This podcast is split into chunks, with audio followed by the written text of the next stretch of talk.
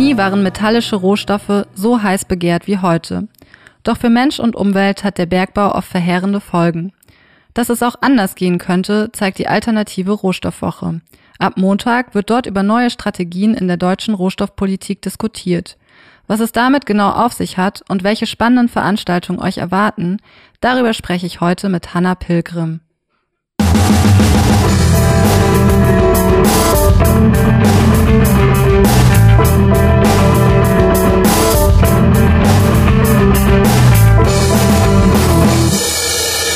Hallo und herzlich willkommen bei Kompass Weltwirtschaft, dem Podcast von PowerShift.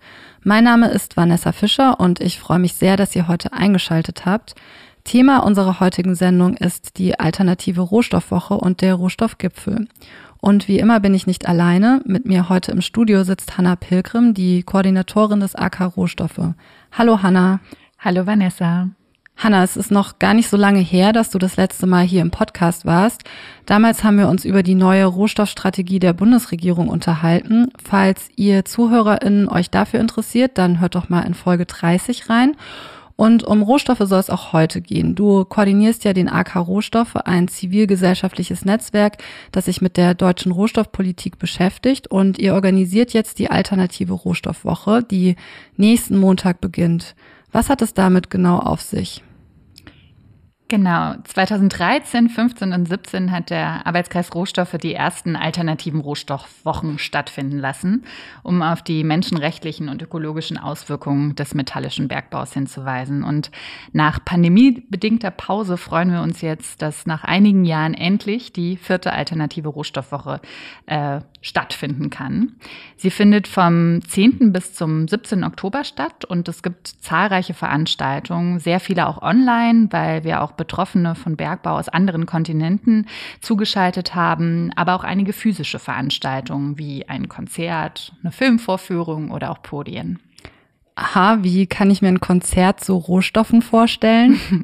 äh, ja, genau, das ist ein Konzert gegen Tiefseebergbau. Ähm, dabei wird die Tiefseebergbauexpertin Marie-Louise Absagen vom Forum Umwelt und Entwicklung über die fatalen Folgen sprechen, die Tiefseebergbau auf die Ozeane und die Menschheit hätte und wird zugleich aber musikalisch auch von zwei Acts begleitet. Äh, sehr zu empfehlen. Ich hatte einmal die Möglichkeit, das zu verfolgen und lade euch herzlich dazu ein, das auch zu tun. Das klingt sehr innovativ. Wir wollen gleich auch noch darüber sprechen, welche spannenden Veranstaltungen es sonst noch bei der alternativen Rohstoffwoche gibt.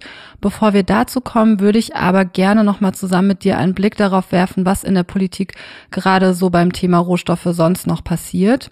Ursula von der Leyen hat Mitte September ihre jährliche Rede zur Lage der Europäischen Union gehalten. Und was sie dabei zum Thema Rohstoffe gesagt hat, hören wir uns jetzt einmal kurz an. Lithium und seltene Erden werden bald wichtiger sein als Öl und Gas.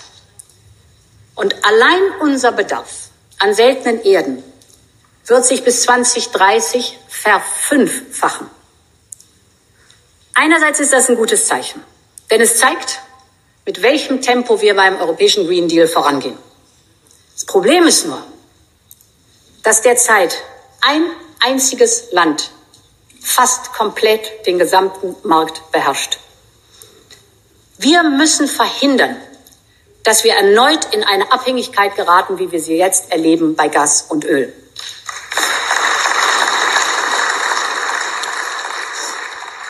Ja, das Europäische Parlament applaudiert und dass wir den europäischen Green Deal in so einem rasend schnellen Tempo voranbringen, wie von der Leyen das hier beschreibt, klingt ja erstmal auch gut, oder Hannah? Europäischen Green Deal erreichen, natürlich gut. Ähm, das Problem ist eher, wenn wir auf das Wie schauen. Von der Leyen sagt ja selbst, dass unser Bedarf an zum Beispiel seltenen Erden sich bis 2030 verfünffachen wird. Dabei müssen wir aber auch darauf schauen, dass der Abbau von Erzen und vor allem die Weiterverarbeitung zu Metallen maßgeblich zur Klimakrise auch beiträgt. 10 bis 15 Prozent der globalen CO2-Emissionen gehen darauf zurück. Okay, der steigende Metallbedarf ist also kein Indikator dafür, dass wir gut mit dem Green Deal vorankommen. Nein, auf keinen Fall.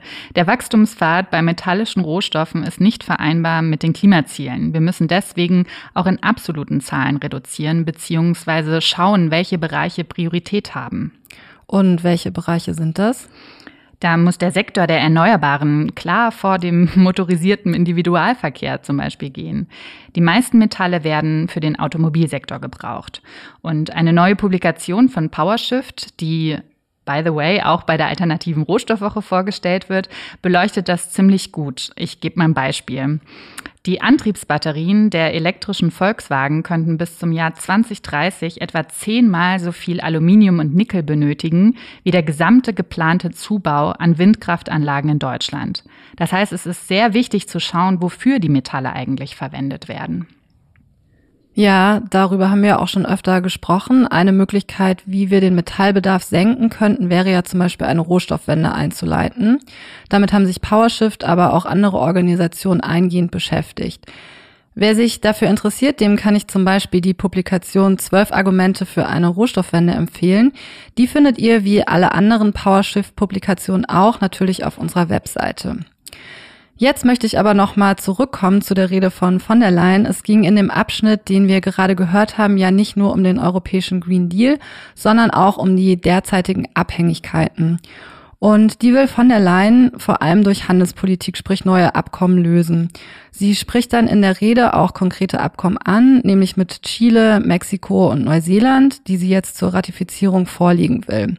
Und was sie sagt, das ist ein Argument, das wir jetzt immer wieder hören, nämlich dass diese Länder gleichgesinnte Partner seien, mit denen man Werte teile und deshalb auch außerhalb der eigenen Grenzen gut Arbeits- und Umweltstandards sichern könnte. Hanna, was meinst du, stimmt es denn so oder was sind eure Erfahrungen da so im Rohstoffsektor? Du kannst es dir wahrscheinlich schon denken, aber dieser einseitige eurozentristische Blick auf die Versorgungssicherheit greift ja erstmal viel zu kurz und gefährdet vor allem bereits Betroffene von Rohstoffabbau immens. Und außerdem hat uns die Vergangenheit gezeigt, dass es beim Abbau von Metallen auch bei diesen gleichgesinnten Partnern immer wieder zu Menschenrechtsverletzungen und Umweltzerstörungen kam. Ich würde da gerne für Mexiko ein Beispiel bringen. In der Mine Buena Vista del Cobre in Mexiko wird seit der Kolonialzeit Kupfer für den europäischen Markt abgebaut. Und die deutsche Aurubis AG importiert große Mengen des Rohstoffs von dort.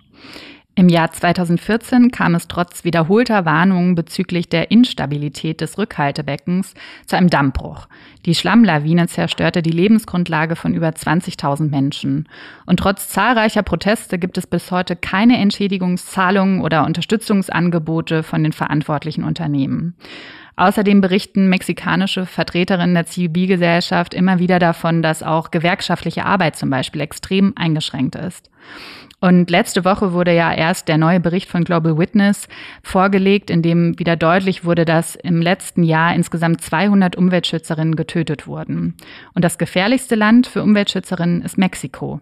Und wenn wir uns den gefährlichsten Sektor anschauen, dann ist es wieder der Bergbau- und Energiesektor. Wow, 200 getötete UmweltschützerInnen. Okay, das ist natürlich eine enorm hohe Zahl. Wie sieht das Ganze denn in Chile aus? Chile ist ja zum Beispiel auch ähm, für den Abbau von Kupfer und Lithium bekannt. Ja, auch Chiles Bevölkerung steht aufgrund der steigenden Nachfrage beispielsweise nach Lithium enorm unter Druck. Die Studie Das weiße Gold von Brot für die Welt macht dies sehr gut deutlich. Während das Elektroauto unsere Klimabilanz verbessert, führt aber der Lithiumabbau aus Salzseen in den trockenen Hochsteppen Südamerikas zu Wasserknappheit und sozialen Konflikten. Ich würde da sehr gerne einen Landwirt, äh, Christian Espindola aus Chile, zitieren, der das viel besser einschätzen kann natürlich als ich. Die Lithiumunternehmen nutzen Unmengen an unterirdischem Wasser, 2000 Liter pro Sekunde. Sie behaupten, die Sohle sei kein Wasser, aber das stimmt nicht. Sie behaupten, sie würden keinen Schaden anrichten, aber das ist eine Lüge. Hier fließt kein Wasser mehr. Die Flüsse trocknen aus, die Bäume sterben, es gibt kaum noch Flamingos. Eine Welt, ein Land, eine Stadt, ein Mensch ohne Wasser muss sterben. Wo kein Wasser ist, gibt es kein Leben. Das Lithium bringt vielleicht Millionen von Dollar, aber dafür wird unsere Lebensgrundlage geopfert. Hm, sehr eindrücklich. Ich denke, man muss hier einfach klar sagen, dass das Ziel von Handelsabkommen in erster Linie eben nicht ist, Menschenrechte und Umwelt zu schützen, auch wenn es gerade sehr viel als Argument angeführt wird. Ich muss da beispielsweise auch an CETA, das Abkommen zwischen der EU und Kanada denken, das ja auch bald ratifiziert werden soll. Ich würde jetzt aber nochmal zurückkommen zur Rede von von der Leyen. Die schließt sie ja damit ab, dass sie verspricht, einen EU Raw Materials Act auf den Weg zu bringen, also ein europäisches Gesetz zu kritischen Rohstoffen. Und hier spannt sich so ein bisschen der Bogen nach Deutschland. Wir haben hier im Podcast ja das letzte Mal über die Rohstoffstrategie der Bundesregierung gesprochen. Wie ist denn da der Stand jetzt, Hanna? Ja, offenbar soll eine überarbeitete Rohstoffstrategie demnächst vorgelegt werden. Bislang haben wir aber weder das Gefühl, dass notwendige Reduktionsthemen, die ja auch im Koalitionsvertrag eigentlich festgehalten wurden, noch die Perspektiven der Betroffenen von Bergbau Beachtung geschenkt wird. Und auch beim kommenden BDI-Rohstoffkongress liegt der Fokus auf der Sicherung des Zugangs zu Rohstoffen. Wir merken also, dass im Rahmen der Pandemie und jetzt auch vor allem des Kriegs in der Ukraine und der Unterbrechung von Lieferketten, Preissteigerungen und geopolitischen Verschärfungen auch die Ausrichtung der deutschen und auch der europäischen Rohstoffpolitik neu verhandelt wird. Und das ist dann natürlich der Punkt, äh, an dem wir als Zivilgesellschaft unsere Anforderungen erneut deutlich in die Öffentlichkeit tragen müssen. Wir müssen zeigen, dass die normative Debatte nicht nur um die Widerstandsfähigkeit, Stichwort Resilienz von Lieferketten geführt werden darf, sondern normativ auch. Also die, vor allem die Fragen angegangen werden müssen, wer profitiert und wer leidet unter der Art und Weise, wie wir mit Rohstoffen umgehen, hier in Deutschland und in Europa. Ja, und da sind wir auch wieder bei der alternativen Rohstoffwoche, über die wir schon eingangs gesprochen haben, denn dort sollen ja genau diese Fragen und Themen auch angegangen werden. Die Woche beginnt am Montag mit einem Online-Seminar von PowerShift zur Lagerhaltung von Rohstoffen. Das ist ja eine Möglichkeit, die gerade auch politisch diskutiert wird, wie mit Abhängigkeiten umgegangen werden soll. Und zwar soll Deutschland dabei große Mengen an Rohstoffen auf dem globalen Markt einkaufen und diese dann als Reserven lagern und deutschen Unternehmen zur Verfügung stellen. Was gibt es denn sonst noch auf der alternativen Rohstoffwoche? Wir haben schon gehört, ein Konzert, aber es gibt, glaube ich, auch viele weitere spannende Veranstaltungen noch. äh, genau, es gibt ganz verschiedene Perspektiven, Veranstaltungen, wo es konkret um den Abbau geht. Eine Veranstaltung zum Beispiel zu Rohstoffen aus China und Zwangsarbeit in dem Zusammenhang oder zum Nickelabbau in Guatemala.